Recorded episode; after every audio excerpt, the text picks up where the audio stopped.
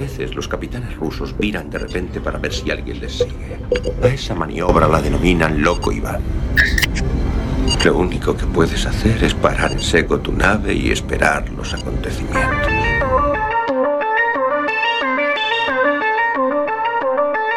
Galasphere 347 of Space Patrol calling unidentified ship. Good night,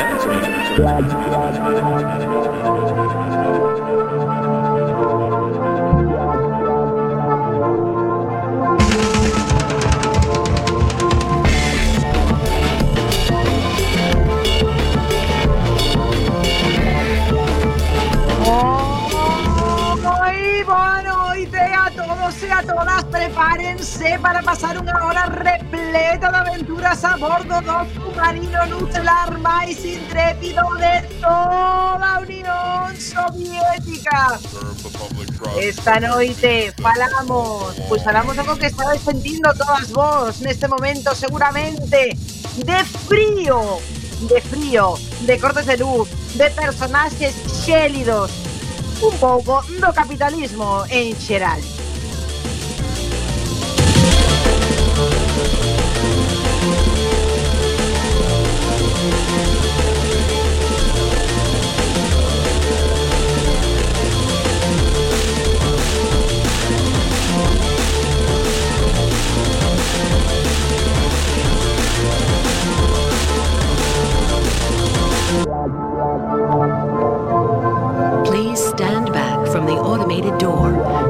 for the security officer to verify your identity before exiting the train. Por supuesto. ¡Oh, señor Bugalov, una sala de máquinas! Tenemos na biblioteca, hostigado, atado, pensando seriamente no seu porvir, e morto co frío, o Tomaris Esmembrellet. Oh, Boas noites a todas e a todos. Por suposto, tamén temos a miña segunda de bordo esta noite. ah, malvada, comandante Beosca. Bueno, Beosca que anda por aí. Moxe moito máis. está por aí, tamén está por aí a nosa compañeira camarada en prácticas Mirova, pero que se sumará o submarino dentro dun momento en canto acabe de limpar a escotilla. Saudamos a capitana Esbletana Ibarruri. Isto é Loco Iván. Comezamos.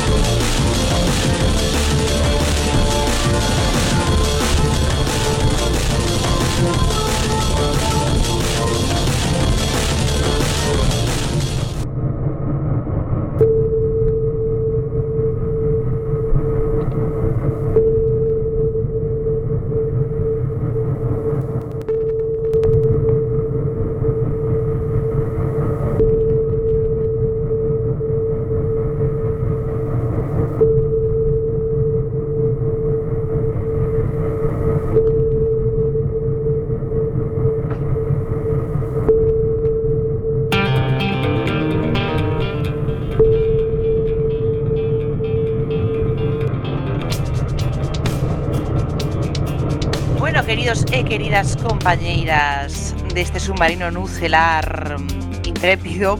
Intrépida será tamén esta noite na que vamos a falar de frío Que é algo que estamos sentindo moitos e moitas de nos estes días. Eh, Antes de nada, os señores Mendrellez, por favor Se a xente que está sufrindo eh, frío quixera eh, de alguna forma poñerse en contacto con vostede quizáis para increpalo eh, a onde tería que facelo?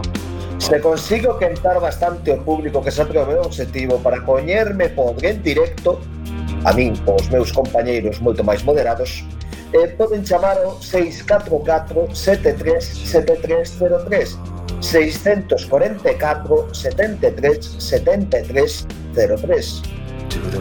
E xa saben que en redes sociais, arroba loco Iván Cuac, eh, estamos na sintonía de Cuac FM, se nos estás escoitando en directo e se nos estás escoitando pois en diferido? Bueno, da igual, se non estás en directo, pois que sexa agora, que sexa eh, pois nada, que moi boa noite, que temos unha hora por diante e que falamos de frío, de frío no cómic, eh, nas películas, nos libros, vamos a falar de frío. Eh, Beosca, bueno, eu non sei quen empeza todo isto, o quen ten o material máis quente neste momento.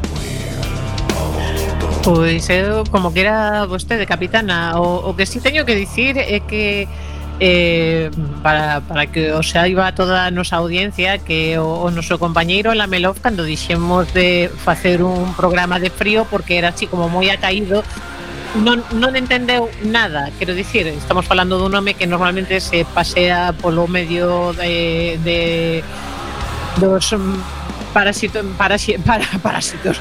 Os parasitos máis inhóspitos pois con camiseta así felizmente. Entón pois como non entendía nada pois directamente marchou á praia porque dixo que aproveitando que facía un tempo tan bo pois que, que, que bueno que ia aproveitar. E, bueno, hai que ter en conta que é un home que cando mandamos facer o seu traballo ao Centro de Educación de Vladivostok, Siberia, pusose aí a bailar os pajaritos cos internos como en marinador. Eh, os é certo que, que para un pouco máis da, da Melo de Torpedos que esta noite non pode estar aquí presente pero si está eh, presente en espírito eh, pois normalmente o único que, que viste é unha camiseta e un calzoncillo de abanderado. E así vai eh, abanderado de abanderado efectivamente. Eh, un abanderado con pouce con martillo pero é o que leva é o que leva todo o ano. E hai que saber aparte que o camiseta, porque da mesma forma que Bruce Willis só coñece unha camiseta que é a camiseta Imperio que levaba na xungla de cristal, pois o noso camarada só coñece a da Marina Gusa, esta característica de gaias blancas e negras que, non sei. Que tamén efectivamente de Marina Dorf. De Marina Dorf. Bueno, eh, Beosca, diga vostede cales son os seus fríos favoritos. Pois eu centreime sobre todo en personaxes femininos eh, relacionados co frío no cómic. Bueno, así inicialmente, porque logo como foi atopan, fun atopando de todo, pois eh, imos empezando e logo xa iremos vendo. Eh, empezamos por Ice Maiden, a doncela de xeo, que é unha personaxe de DC que se chama Sigrid Nansen, e os seus poderes son o resultado dun experimento do goberno noruego ao que ela se presentou voluntaria como científica que, que era, aínda que, bueno, tamén un pouco presionada pola, pola súa exixente nai e máis polo goberno, bueno, é un destes personaxes un pouco atormentados sobre todo, como dicía Mafalda, cando o peor de ti son os demais, non sabes? Pois, malditos aí, aí o que queda claro é que para DC eh, Noruega é un sitio super exótico. Eh, eh, sí, por outro lado. Pois esta muller, eh, eso fixeron no experimento, este experimento pretendía duplicar as habilidades de certa tribu mítica, eh, o experimento foi un éxito, salvo polo pequeno efecto secundario de que quedou coa pel azul, que tampouco lle vexo moito problema porque o azul pega pois prácticamente con case todo, así que Tamén. Tamén é certo. A ver, non queda ben na maquillaxe, pero está ben. Depende da maquillaxe, porque non sei, así en branco, por exemplo, mm, pois sí que pode quedar así como un contraste bonito, sí, eh. moi pitufina. Os seus poderes eran pitufar aos inimigos. Ai, pitufar, Bueno, díxate, sí que é certo que eh, eh, os personaxes que, que, que teñen que ver co frío, o final todo é azul e branco. Todo moi deportivista, por certo. Sí, no, o deporte tamén está no frío. Está... Claro, te iba a decir eu recordando ou solidarizándonos con esa vaga de vaga de frío que está soportando o Deportivo da Coruña e sobre todo a súa afición, creo. Pois esta muller pasou a formar parte dos Guardians Globais, que son uns superheróis de diferentes partes do mundo, e eh, máis tarde pois entraría tamén na Liga da Xustiza. Eh, pode controlar pequenas cantidades de neve e de xeo e proxectar escudos de xeo e tamén carámbanos dende o corpo. O seu poder máis grande de todas formas é eh, pode, no, non, volverse tan fría que é capaz de crear unha armadura inteira de xeo. Pero para iso debe de estar baixo moitísimo estrés. Eh, os seus poderes están moi vinculados ao seu estado de ánimo. Eh, a ver, eu quero dicir que vostede mm, tamén ten, tamén pode chegar a ter ese ese poder, eh. Eu, eu se me cabreo o suficiente, desbaratar as armaduras de toda a xente eh, eh, que estea ao meu redor. O poder da frialdade é eh, que pode destruir cousas. Eh, eu algunha vez yo digo, ah, Pero o meu é máis de onda cabreante que onda mm, fría, conxelante, nin nada diso. No, no, o, o meu é máis ben todo o contrario. Eh, esta muller... Bueno, Carámbanos é un pouco superhéroe mierda pois mira, así en xeral como que fan todos un buquiño mesmo. É o máis importante, estiven mm, fixéndome moito na estética, como comentei, o tema este do azul e branco, e ao final van todos un buquiño por aí. Esta muller, pois, eso, ten a, a pela azul, o pelo blan, branco, un bañador ben escotado en branco, que está ben sendo un pouco como la melo ou sexa, vai frío en bañador eh, luvas longas eh, medias a, eh, en azul. Eu sinceramente o do, o do bañador, o de bañador coas luvas non sei se o ve. Eh. eh, ia dicir o mesmo, ou seja, que se levas un bañador escotado ata, ata o ombligo, pois logo para que levas as luvas. Bueno, en fin. Eu non ver, digo que, que non vai a mona. Heroínas de, de, de DC e do cómic en xeral que Bueno, pero vamos a ten un pouco de bañador e eh, luvas. Es un tema superheroico de toda a vida, porque senón a mí que me expliquen por que vai de toda a vida Superman e Batman uns yoga pants que lle chaman agora as mallas de toda a puta vida co calzoncillo por fora, eso non Pois non, non ten explicación. Efectivamente, efectivamente. Ves? Eh, o, o tema estético ás veces é un pouco terrible en decir. Pero polo menos non levan luvas. Como que non? A ver, Batman si leva luvas. Bueno, Superman non leva luvas. ¿no? Porque non lle fai falta, pero Batman sí para para fuchicar en esas cosas. Hai que dicir unha cousa, Superman. A ver, porque, porque Batman é o superhéroe máis de feirón de todos, que non ten superpoder ningún. Claro, pero pero eso que o fai grande. Eh, eso o que o quero dicir. O seu superpoder é a burguesía, moi mal. no, sí, é certo, pero estaba buscando unha frase así como de Manolo Rivas para Pero eso sí, que fai cando estou de acordo ca capitana. Eso é ser capaz dun tío como Adam West poñérsele leotardos con esa pancheta que deu de ter. Son corpos guiais e ademais son caralladas. Pois continuando con personaxes relacionadas co frío, temos a Ice. Xeo directamente, é tamén eh, un personaxe de DC, chamase Tora Olafdotter, que tamén podemos imaginar que non é precisamente de Michigan. Eh, inicialmente, de feito, era o mesmo personaxe que a doncela de Xeo, pero por razóns narrativas decidiuse máis adiante que serían personaxes diferentes e que Xeo sería, eh, me, mellor dicho, reemplazaría a doncela de Xeo nos Guardiáns Globais, que pareceme todo así como dun cutre salchicheiro impresionante. Eh, en todo caso, esta, miradi, é unha princesa dunha tribu nórdica con poderes naturais para crear e manipular o xea, o, o xeo, ou seja, exactamente o que pretendían facer coa anterior baseándose pois neste neste tipo de, mm, de tribu máxica extraña.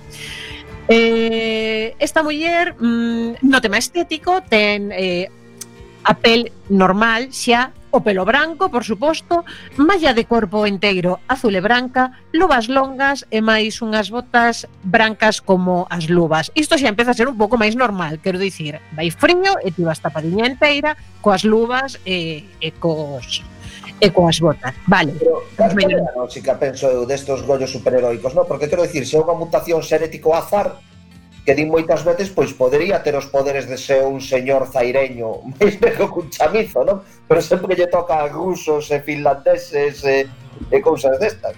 Pero... Supoño que por un tema de supervivencia, non? Ou seja, pola mesma razón por la que eso, eh, nos países nórdicos eh, a xente ten a, a pel moi branca e nos africanos pois tenden a, a ter a, a pel moi oscura para é un tema de protección da, da luz.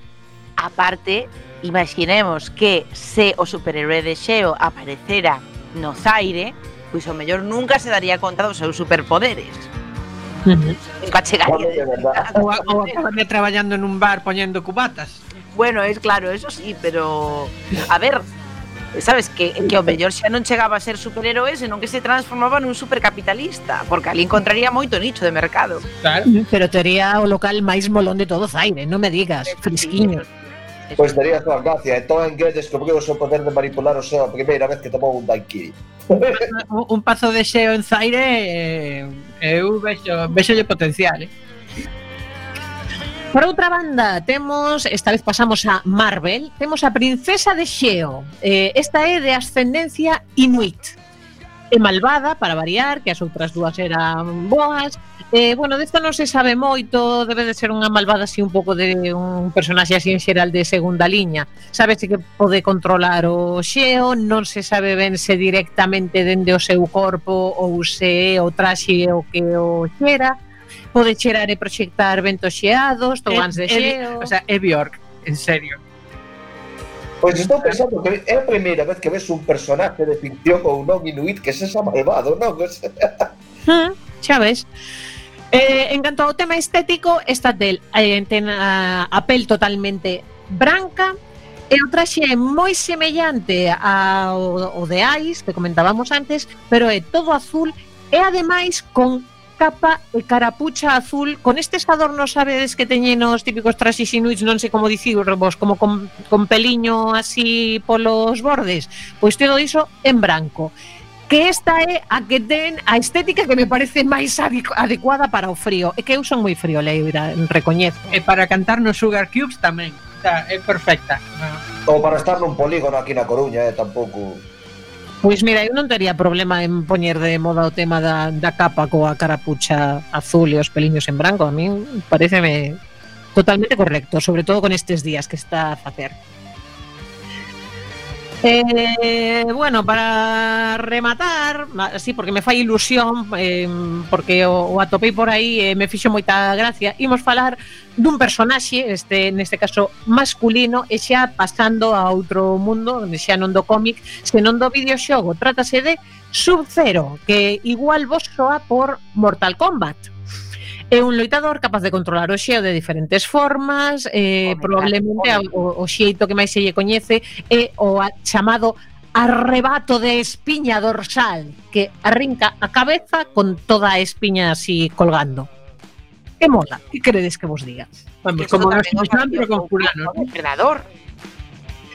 É un dos personaxes favoritos do público de, eh, no mundo Mortal Kombat, un dos tres únicos personaxes que dun xeito ou outro aparecen en todas as versións da saga, eh, E, eh, eh, bueno, mm, xunto con Scorpion, que por certo mm, vai ser é o seu inimigo mortal, aínda que no, no Mortal Kombat X fan unha tregua eh, alíanse, Mira, igual que na política isto, quero dicir, ti tes ao teu peor inimigo, pero ollo porque non sabes cando vas ter que aliarte con el.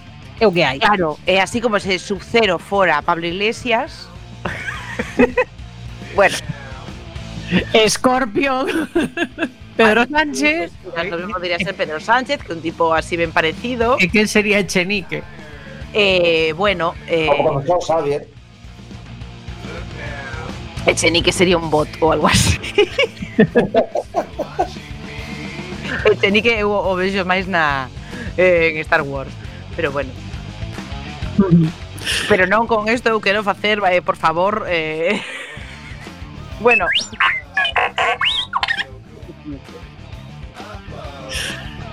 Ben, pois eu ata aquí cheguei eh, Teño por aquí máis material Se fai falta despois Pero hai máis compañeiros Que, que van quedar fríos Se non lles dou paso.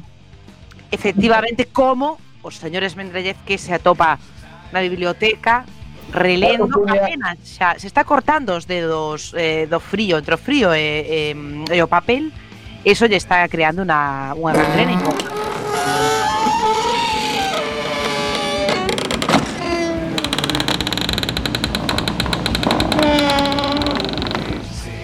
Esta vez non é que vaya mal engrasada, é que coseo xa se sabe, aí eh, dilatan, eh, encollen os corpos e claro, chiquía a porta. Pero bueno, se pode ir a miña curpe, a miña curte camarada Bugalov. A curta.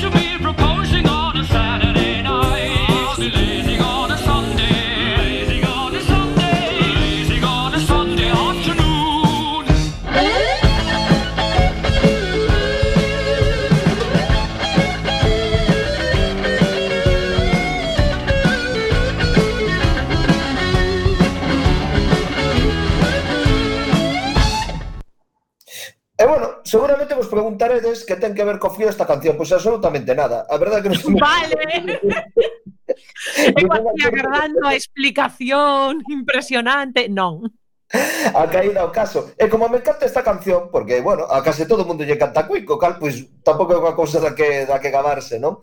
Pois decidi impoñela, por iso, porque dure é tan curtiña, a segunda canción máis curta de Queen, despois da de Dear Friends, que a podíamos poñer absolutamente completa, eh, porque penso que é unha forma tan boa como, como outra calquera de, de comenzar unha sección. Claro, de romper o xeo. Sí, non é porque me quera roubar a sección nin nada, non? Eh, claro, isto é un pouco raro, porque, eh, bueno, está ben, eh, esmendellez, pero non sei se con isto o que nos queres dicir é que queres sair da, da biblioteca.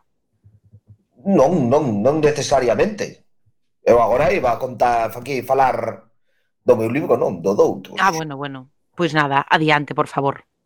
Bueno, pois nada, eh, de que poderíamos falar falando de tempo? Primeiro vou largar un par de Gancio Fats, non? Ah, iso é importante.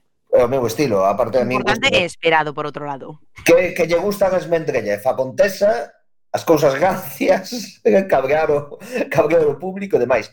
Pois simplemente un par de datos, non? Eh, por aquilo de levar sempre a conta, agora que se fala moito do, do cambio climático e de todo o tema, eu son deses héroes urbanos que todos os días se levanta 20 minutos antes para dar voltas co coche e queimar máis gasolina para poder favorecer que teñamos un pouco máis de un pouco máis de caloriña no mundo mundial. Porque, por exemplo, sabíades que houbo un período da, da historia da Terra que se chamaba o criozoico? Soabos eso? Por suposto. Todos os días ao despertarme. Eu o gliozoico, bueno, pois de feito fixen unha tese sobre sobre ese período, pero bueno, agora non ven o, ao caso eu tema moi extendido, todo o mundo sabe que o Criozoico, o período criogénico, durou entre fai 720 millóns de anos e 635 millóns de anos, e que forma parte, bueno, da historia da Terra e que ten unha teoría propia non de toda aceptada, coñecida como teoría da Terra bola de neve, que di basicamente que se as condicións climáticas alcanzan eh, o punto adecuado, pois estaríamos vivindo nunha bola de xeo e que ademais é se autorregula ese frío aí, non? Eu pensaba que o criozoico sería algo así como o tatarabó de Ruiz Mateos, que os, os seus fillos chamábanse todos parecido tamén. Zoi, zoico 1, zoico 2, zoico 3. Cliozoilo. Cliozoilo. bueno, en calquera caso, Este tema, simplemente por comentar que eh, o clima atlántico sempre cambiante, non? E que nos agora mismo pois, está de modo contamento global, porque hai moito cabrón que fai como a mí, que se levanta todos os días para queimar gasolina, pero que realmente podería ser haber algo moito peor que o quecemento global, non? Eh, pois o enfriamento global. De feito, miña nai, que de Dumbría é unha persona convencida de que está a favor do, hasta certo punto do, do aquecemento global, porque antes en Dumbría o clima era moito máis merda, facía moito máis frío, chovía moito máis, estaba o prado inundado, tres meses o ano, vamos, un carajal. Que sucede? Da que miña nai non é consciente de que a veces un quecemento pode traer outro enfriamento. Non sei se sabedes mm. tamén que hai unha pequena idade do xeo europea. Sí, sí. Ou a houbo concretamente pois foi basicamente ao final do século entre os séculos XVI e XIX que facía moito máis frío. E por exemplo, a xente pois iba a esquiar o Támese. Isto a que se debeu? Basicamente, pois houve unha temporada onde estivo menos activa a corriente do Golfo. Entón, pois, agora mismo, eh, se nos continuamos con este quecemento global que se nos aproxima a unhas temperaturas que son un pouco anteriores a isto que estamos falando, o chamado óptimo clima eh, clásico, que foi máis ou menos por la época dos romanos, que notámese, pois, en lugar de facer esquí notámese considerado polos invernos, o que facían era plantar uvas, cando chegaba a época, poderías interrumpir e nós teríamos un clima pois moi parecido de Nova York. Eso é algo pois, que segundo determinados modelos de cambio climático pois podería suceder daqui a 10, 15 ou 20 anos. Así que se sodes, como a miña nai, estades entusiasmados co cambio climático por ter California, sol, playa, laranxos e todo eso, pois simplemente dádevos de conta de que en calquera momento se se perde esta corrente do Golfo por subir demasiado a temperatura da agua na zona tropical e polo deseo na zona de Groenlandia, pois o que vamos ter non é máis calor, é máis frío. Seguro que algún destos negativistas climáticos lle explota a cabeza, pero é o que pode pasar. Eh, eh, bueno, ti ves aquí, eh, o sea, non me queda moi claro se entre ti, Esmendrellev, e a túa nai, a señora mm, Esmendrellev, eh, señora, Esmendrellova, Sondrellova original, está a favor o en contra do cambio climático, pero en todo caso eh, todo parece todo parece moi negativo,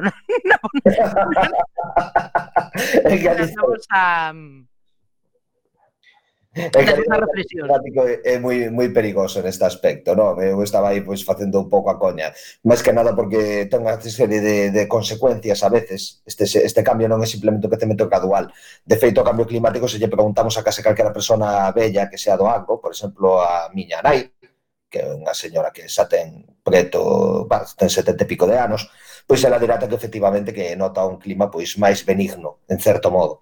Pero eso simplemente é unha percepción a nivel local, a nivel global, toda a zona de Europa Occidental podería suceder que fose máis desertificado e máis quente o trópico, e sen embargo que tiveramos unha pequena idade do en Europa, é un dos modelos posibles como calquera outro. Efectivamente, pois esa desestabilización climática sempre é algo malo nunca, bueno, salvo que sexas Vladimir Putin ou un lapón finés, pois o mellor nese caso pois pode sentir que vas a ir gañando. Pero normalmente... Claro, algo vas gañar, algo vas gañar. Por certo, Esmendrellev, eh, Dígame. non mirei o guión, pero extrañame que falando de Xeo Oxe, ti non vayas falar dunha das túas series favoritas que creo que agora ten segunda tempada. O Terror, e de feito estou vendo a segunda tempada. Ves? Porque non ten nada que ver ca Primeira ni Cuseo. Curiosamente o Tenor, que é unha serie que a mí me, me encanta e me gusta... Supo, bueno, poderías te referir a Vikings tamén, pero supoño que te refires... Ou a eh, Snowpiercer. Ou Snowpiercer, que é tamén... Verdad, é verdad, é mm, verdad, é verdad. Moi ben. Teño que decir sobre Snowpiercer eh, que todo me parece ben menos o protagonista. Punto. E logo? Pois pues tío, que no, que no, no, no. David, o sea, está fantástico, fantástico, fantástico rapeiro, por certo. Pois que quede no rap. Sabe, o sea, se estaba ben, se ti dis que é un fantástico rapeiro, aí é onde ten que quedar, porque eu non me gusta, non me gusta, non me lo creo. O sea, igual que eh, quen é agora a, bueno, a protagonista Jen, eh, Jennifer Connelly. Jennifer o... Connelly, Connelly, sí. Para mí está soberbia, pero que o tipo no, non non estou a favor. Así que que chame a xente eh, que está vendo esta, esta serie, que por agora creo que vai na, na primeira tempada. E que me diga. E non sei se irá a segunda, eh? Crees que non vai haber segunda? Mm, non o vexo nada claro. Non o vexo nada, nada claro. Pois comentando sobre esa serie, dicir que non iba a falar porque xa falei moitas veces, a primeira parte, como sabedes, está eh, basada na novela homónima O Terror de Dan Simon, se trata dun barco que se perde no seo, basada a súa vez nunha expedición británica moi desafortunada, a expedición moi, real, o que pasa na serie non, a serie está moi ben, e ten unha segunda parte que está ambientada en Estados Unidos na Segunda Guerra Mundial, é protagonizada por eh, o que son inmigrantes de primeira e, segura, e segunda generación xaponeses, que xa sabedes que como os capitalistas son uns fillos de puta, pois os meteron a todos en campos de concentración e tal, non? Aí en USA. Pois a serie vai deso, e polo que estou vendo, vou polo segundo ou terceiro capítulo, pois bastante, bastante, bastante ben. Anda, pois non sabía eh, eu, claro, o sea, a segunda tempada eh, e non ten nada que ver coa primeira. Non ten nada que ver. Maiormente porque a primeira xa non tiña moito máis recorrido debido a, bueno, por non adiantar acontecementos, non diremos o final da primeira serie, pero efectivamente era complicado facer unha... A ver, bueno, quero dicir, pero eh, está basada basada inspirada nun feito real, eh, que foi o que lle pasou o Terror e o, e o Erebus, e claro, a ver, isto é como ir a ver Titanic, o sea, algo está sospeitando pois, non lle vai ben. Pois efectivamente, bueno, si sí, tes razón, porque do feito real non é facer spoilers se dicimos que boqueron todos, non? pois, bueno, todos, ou vamos, ou Ali, eh, eh, de feito, se encontrou relativamente hai poucos anos, creo. Eh, non sei se foi o terror ou o Erebus, estaba esa xente aí, pois, pois eh, moi pino. Non está mellorable. Sí. Básicamente. E, eh, bueno, De todas formas, visto o, o pouco éxito das miñas peripecias científicas climáticas, vou aproveitar para mencionar de literatura tres obras que sí teñen que ver directamente co SEO e que me parecen moi interesantes. A primeira, Inverno en Heliconia, de Brian Aldiss. Brian Aldiss é un eh, escritor de ciencia ficción que non precisa presentación, é eh, inglés, do que se chama a nova ola da ciencia ficción inglesa, que consiste basicamente que en lugar de falar de marcianiños verdes, pois falaban do que lle espetaba dentro da ciencia ficción, e trata de que, bueno, de, de un sistema solar binario no cal pois existen dúas estrelas da, alrededor das cales eh, un planeta xira e prodúcese eh, pois diversas tempadas, eh, as catro estacións, inverno, primavera, verano, tal, pero tamén as hai ao largo dos anos. É como se dicira eh, que houbera 50 anos de inverno, 50 anos en que os invernos son moi moi moi duros e o verán casi non hai, eh, 50 anos de primavera, onde a cousa vai mellorando un pouco, 50 anos de verán, no cal pois casi non hai inverno e moito calor no verán, e logo pois chega o outono e así sucesivamente, non? É unha obra excepcional, sobre todo por como está construída, a nivel de, de astrofísica, como están definidas as estacións, as culturas que surden, e, e, e demais, e de feito, pois, sen ningún os, eh, os ointes que non aliran, pois é o que comendo a, pois, sen ningún, sen ningún empacho, non? Esta xente é eh, moi, moi, moi coñecida esta persona, e entón quero falar tamén dunha muller que era amiga del de Ana Caban, que esta é menos conocida, non? Ana Caban é unha escritora que naciu baixo o nome de Helen Haley Bones. Naciu en 1901. É unha muller que tivo unha vida moi intensa. Estivo casada e divorciouse polo menos dúas veces, perdeu o seu fillo durante a Segunda Guerra Mundial, eh, mogueron moi queridos amigos dela na fronte, eh, sempre tivo moi mala saúde, entre outras cousas, porque era adicta a heroína. Eh, bueno, intentou suicidarse varias veces, E en medio de todo iso, pois fíxose bastante amiga deste escritor de ciencia ficción do que estábamos falando antes de, de Brian Alvis, non? Eh, el falaba moi ben dela como escritora e de feito ten unhas novelas que eu se tivera que comparar son un pouco oníricas, que lembrame un pouco a Philip K. Dick, que ten Ajá. un pouco un pouco tamén deso, non? De, de irse un pouco a olla, que tamén sabemos que tiña unha saúde precaria debido ás súas diversas adiccións, E ela pois, viviu en moitos sitios, incluindo a península escandinava, onde seguramente pois, se tuvo paisontes que polas paisas eseadas, e tamén en Madagascar, onde posiblemente pois, oí o canto dos lemures, ambas as dúas cousas que se mencionan na súa obra máis coñecida, que se chama literalmente Xeo. E Xeo, pois é unha extraña novela que narra o fin do mundo cunha nube de Xeo que chega dende o norte eh, bueno, hai que lela, non sei como, como describila, non? A esta muller era moi fan de Kafka, entón, pois, podemos facernos unha idea que entre eso é o que se metía, pois que, que a novela pode ser moi peculiar, pero é un placer ler, é o que comenta a todo o mundo, como non quero destripar non vou falar moito máis, simplemente decir que é moi recomendable. Esa, para que matar, pois comentar tamén sobre outra moza, que foi as que escribiu A Fortaleza, que é unha, unha saga de novelas eh, que a escritora chamase Bárbara Hamley e, eh, bueno, esa muller fixo unha obra moi moi interesante, non? Que consiste o argumento? Bueno, por pues, supónse que hai uns monstruosos seres oscuros que surdiron eh, dos seus horribles niños nun extraño o lugar alternativo e atacan cunha violencia imparable a todos os supervivintes da superficie. Entón, hai un ser que é un poderoso mago que se chama Ingolfin Glorion que trata de loitar contra estos personaxes chamados os seres oscuros. E para eso trae eh, pois unha muller que é a protagonista, que chega desde o noso plano de existencia, é dicir, unha muller concretamente de Nova York, unha tía que lle gusta moito estar nun garito de música rock, que curiosamente se chama Sam Rock. Ai, mira, fíjate. Why not? Por que non, non? E bueno, que ten de interesante esta novela? Pois eh, que está escrita dentro dun sistema de masia eh, que ten unha certa peculiaridade que é moi similar en certos aspectos o famoso eh, En nombre del viento de, de Patrick Rothfuss, non? Mm. Entón, Amasia sempre ten un precio que hai que pagar para poder traballar con ela e que tamén ten unha base chamémoslle para científica, non?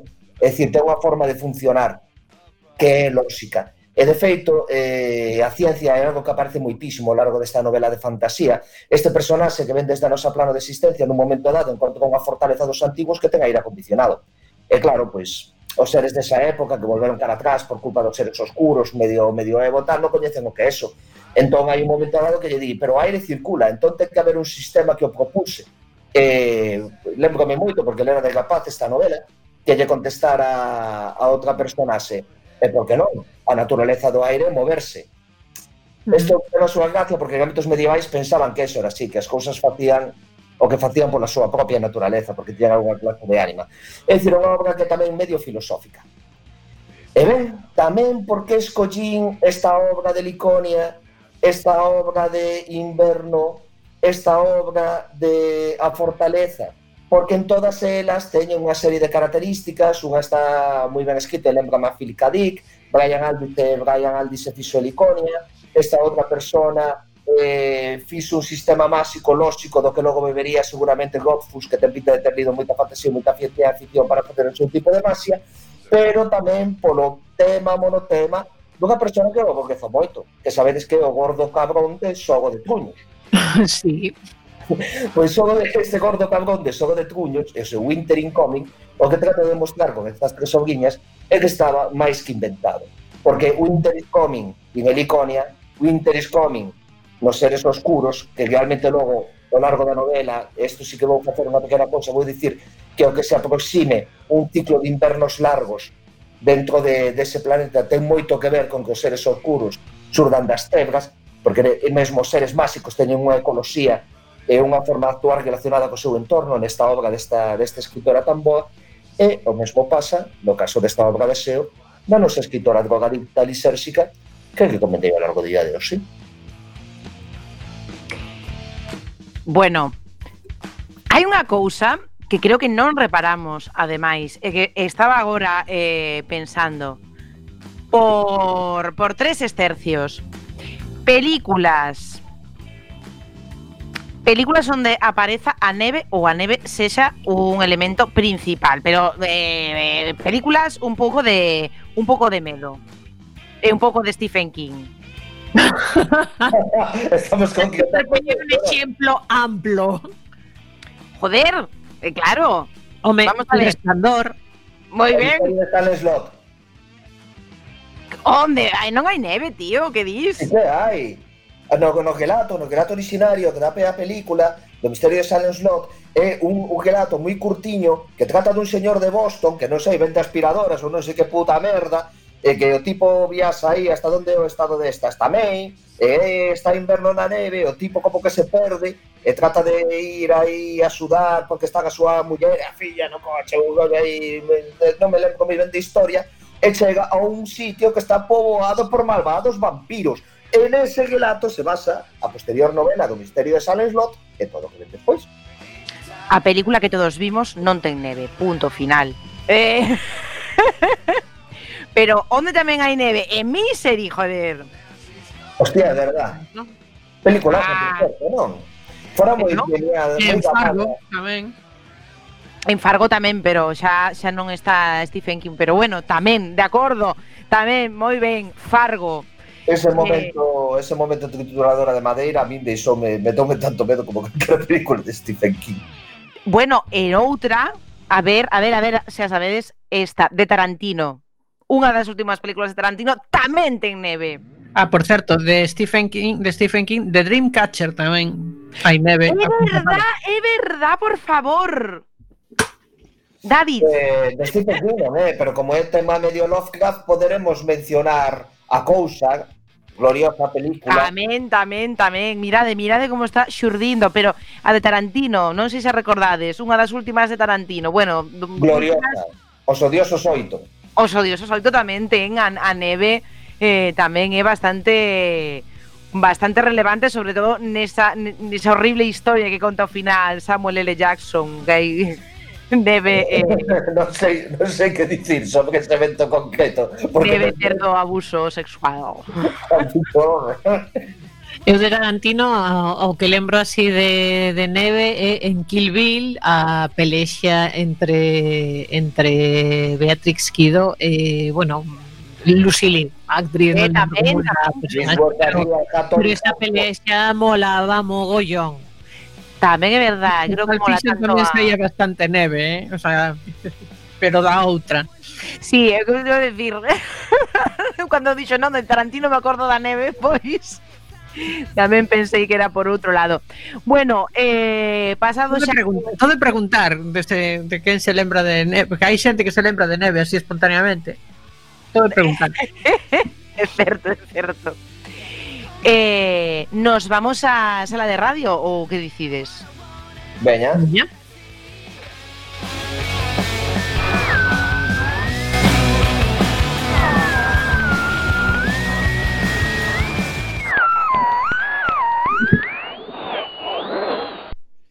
Hola, hola, hola.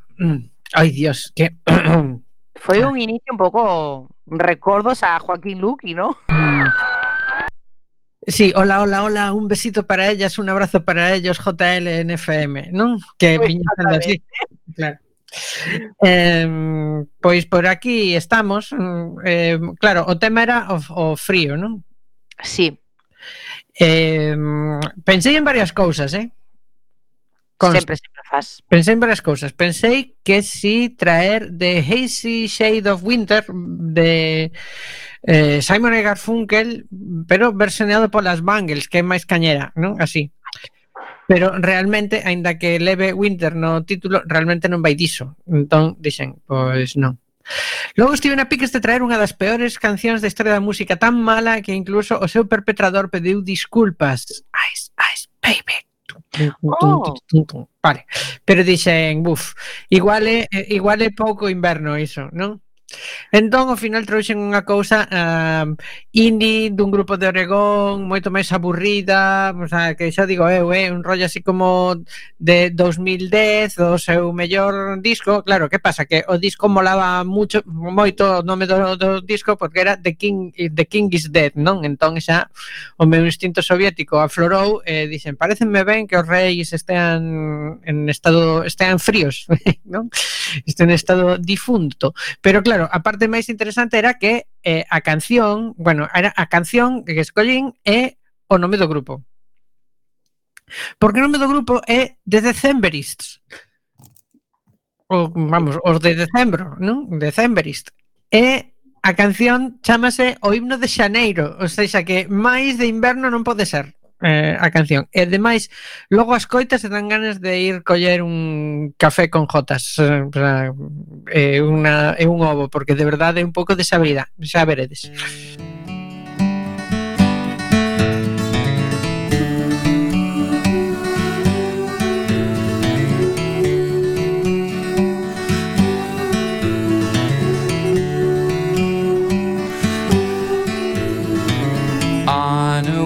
Winter Sunday, I go to clear away the snow and green the ground below.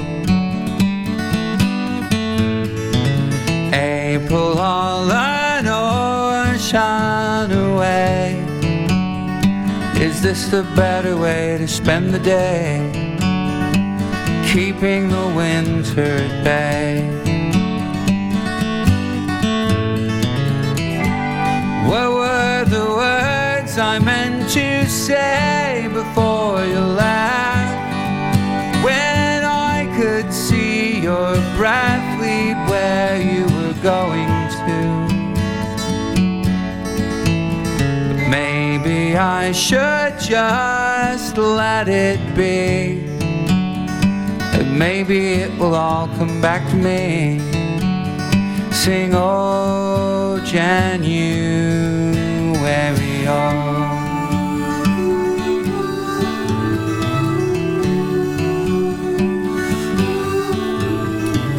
How I lived a childhood in snow and all my teens and tow, stuffed in strata of clothes.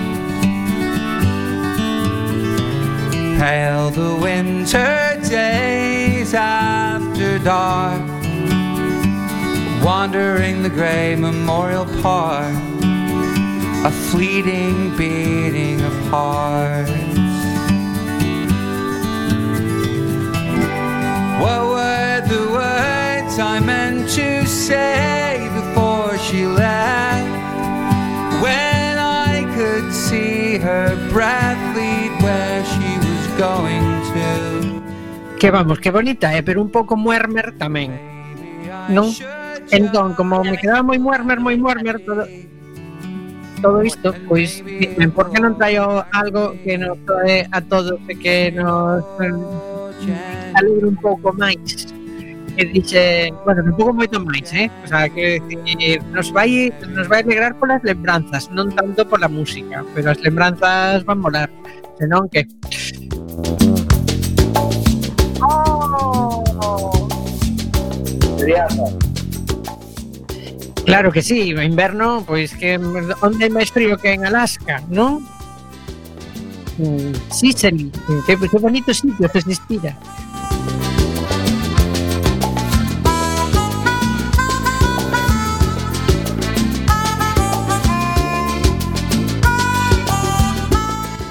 E que tira a primeira pedra que non quixo ser Chris Stevens ou coñecer a Chris ou coñecer a Chris Stevens, aínda que fose un yankee. Mm, pero bueno, tamén hai que dicir que debía ser un pouco dos nosos porque fora prestidiario eh, era moi de, de, de ler a Walt Whitman eh, pola radio. Creo que toda a xente que fai radio pois pensa un pouco en Chris Stevens de cando en vez. Que Walt Whitman. Eu, eu sí penso en Walt Whitman, pero porque é un sentimental. Eu esta é a típica serie que cando que agora que hai series boísimas que xente que se melloran moito con las cousas pero que cando din que as series agora pois son moitísimo mellores que as de antes dentro me desta penso, bueno, tamén había cousas boas. Sí, bueno, hai unha cousa mala que, que, que comentar eh, con esta serie que que Maggie, vos lembrades de Maggie?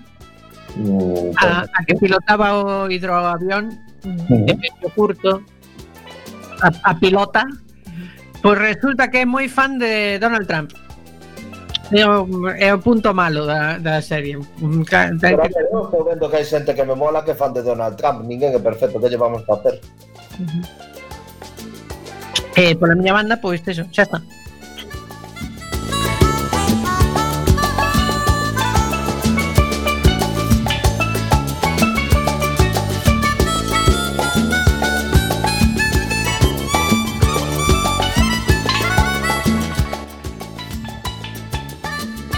a quen te toca agora? Pois, miren, quedan 10 minutos de programa, está sendo moi intrépido e tan intrépido está sendo que se nos caeu a compañeira camarada Mirova que non foi capaz de penetrar no, no submarino eh, bueno. por problemas logísticos derivados das fortes nevadas pero menos mal que temos a camarada Beosca que sempre ten información almacenada nos miolos. Bueno, de feito temos aquí unha información que mm, suxeriu outra persoa que está fora do submarino, que é o noso compañeiro Stajanov, que como sabedes leva mm, estas cinco tempadas de Loco Iván limpando o submarino por fora. É verdade. Pero é un submarino moi grande. A ver, todo ten a súa explicación. Eh, xa sabedes de algunha vez que si sí conseguiu entrar, porque en algún momento pois hai que coller esponxas novas, eh, un pouquiño máis de... de Oxígeno tamén. Si, sí, o pronto, o pano, eh, todas estas cousas.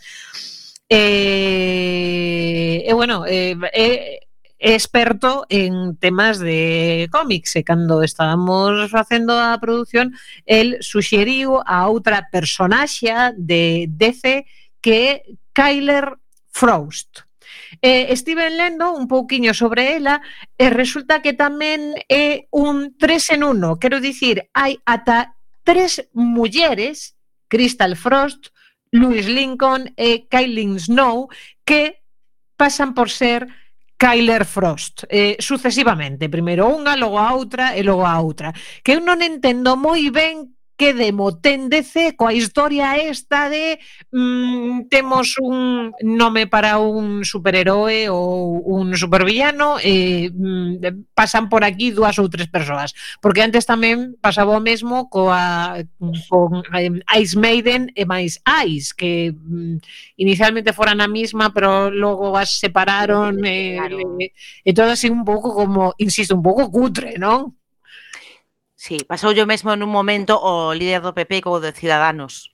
Eran o mesmo superheroe, superheroe xélido, e se desdoblaron. Logo, pois un marchou a neve. En todo caso, é unha, un personaxe interesante, é do, do universo Flash, basicamente, é, é, é unha muller, e logo outra, e logo outra, que mm, é capaz de coller a, a enerxía, o calor da xente e convertilo en frío. Eh, claro, mm, o cale mm, para ela moi ben, pero é unha putada para quen lle quitan todo o calor do corpiño, non? Que carai, co que custa xuntalo, pois logo morres e todas estas cousas, unha pena. Eh, de feito a terceira, Kyler Frost, Caitlin Snow, Mm, xa non somente eh, tiña esa capacidade, e que ela ademais era unha vampira do calor, porque, bueno, foi o típico mm, experimento, bueno, experimento non, o típico accidente eh, relacionado cun xenerador porque a querían matar e a meteron nun sitio, e ela non sei que fixo co coa parte da, do conxelador e acabou fusionando co frío todo moi lóxico. Entón, a partir de aí, claro, tiña frío, tiña moito frío, e para conseguir calor, pois como que mm, tiña que vampirizar o calor alleo. Eso sí que é unha botada, ¿no? porque unha cousa son as outras que un pouco por vicio, pero está que como a que no é que este, o, o ti ou eu que, que, que dá como máis peniña sempre dá así un, un tipo de ese tipo de villano co que te podes mm, de algún xeito si sí, podes empatizar. Como señor Frío, mira, non falei do, do señor Frío de Mr. Freeze, pero tamén era un villano co que podías empatizar, porque que dicía, claro, bueno, ten aí a súa muller que ela adora e está buscando realmente o, o xeito de conseguir eh, curala e desconxelala. Por certo, mm, gran interpretación do señor Schwarzenegger facendo un Mr. Frío absolutamente maravilloso, pero Sí, sí, muchísimo, eh.